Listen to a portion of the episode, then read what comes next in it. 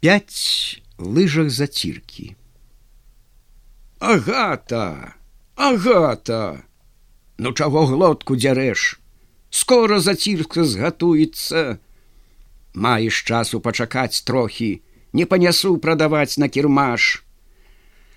Яшчэ не паспела яна адказаць свайму антощу які ляжаў на пяколку і стагнаў не то ад болю не то ад голаду як з усіх бакоў апанавалі яе дзеці немаведама хлопчыкі ці дзяўчынкі бо яны былі адзеты ўсе ў доўгія да пят кашулькі.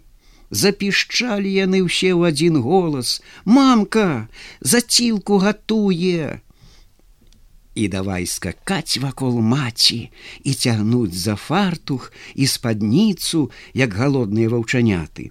Мамка мне дасі мамка мне дасі і блішчэлі галодныя вочы ад радасці. Ціха ціха каб вы скіслі крыкнула агата.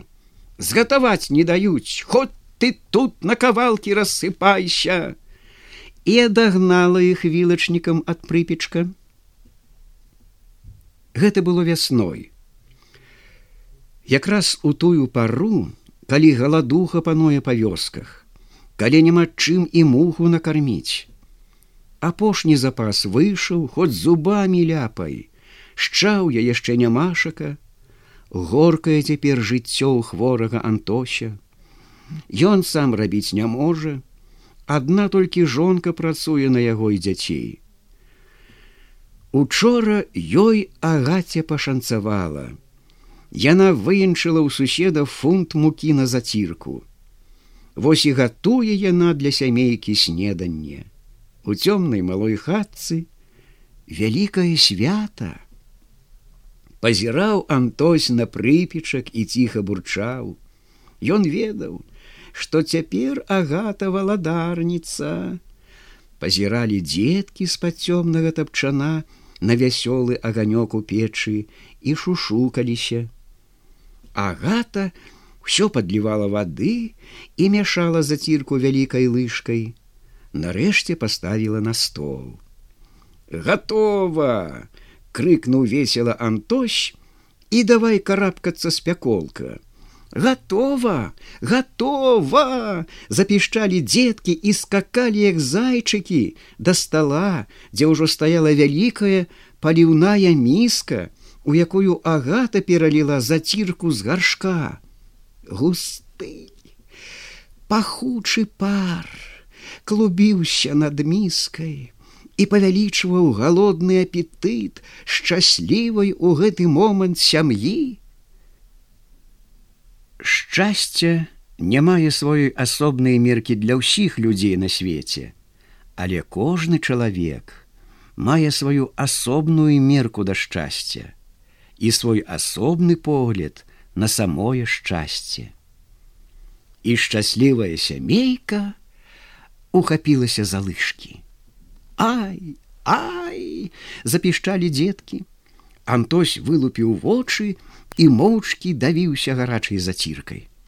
А каб вас ліханька не ўзяло, Я ж вам казала, не хапайце, бо гарачая, лаяла іх агата. Пазіралі пазіралі яны на гарачую зацірку і не вытрымалі зноў давай есці. Ажно слёзы каціліся з вачэй.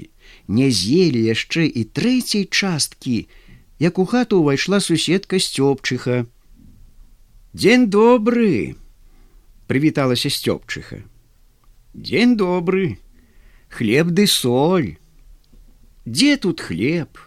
Зацірку ядзім просім на сняданне кажа агата. Ого на зацірку і я ахвотніца сказала сцёпчыха і яе галодныя вочы заблішчэлі. Узяла лыжку і спрытна падсела да міскі спахмурнеў антощ і толькі ніжэй апусціў галаву. Нам і самім мала падумаў ён. З'ела сцёпчыха адну лыжку і ўзялася за другую. Каб цябе хацеў сказаць антощ і ледзь стрымаўся. Дзеткі таксама пачулі небяспеку і скоса пазіраючы на сцёпчыху, спрытна запрацавалі лыжкамі. Тры! Чуць не крыкнуў Антощ, як сцёпчыха зачерпнула лыжкай у трэці раз. Ратуйце, ратуйце! Ледзь не плакаў ён, як яна опусціла лыжку ў міску ў чацвёрты раз. А як зела пятаю, то ўжо міска была пустая. Гразбойніца! Крыкнуў Антось на сваю агату, як ужо сцёпчыха падзяквала і пайшла. Разбойніца! Ці я вінавата? Што яна гэтакая свіння лямантавала агата. І папсулася свята беднай сямейкі. Спахмурнелі твары кожны думаў. Ого! Каб лепей язеў гэтыя пяць лыжах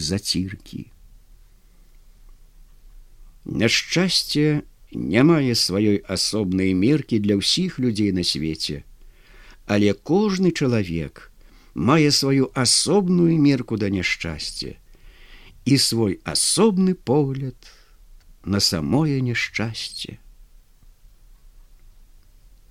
Вільня 1912 год.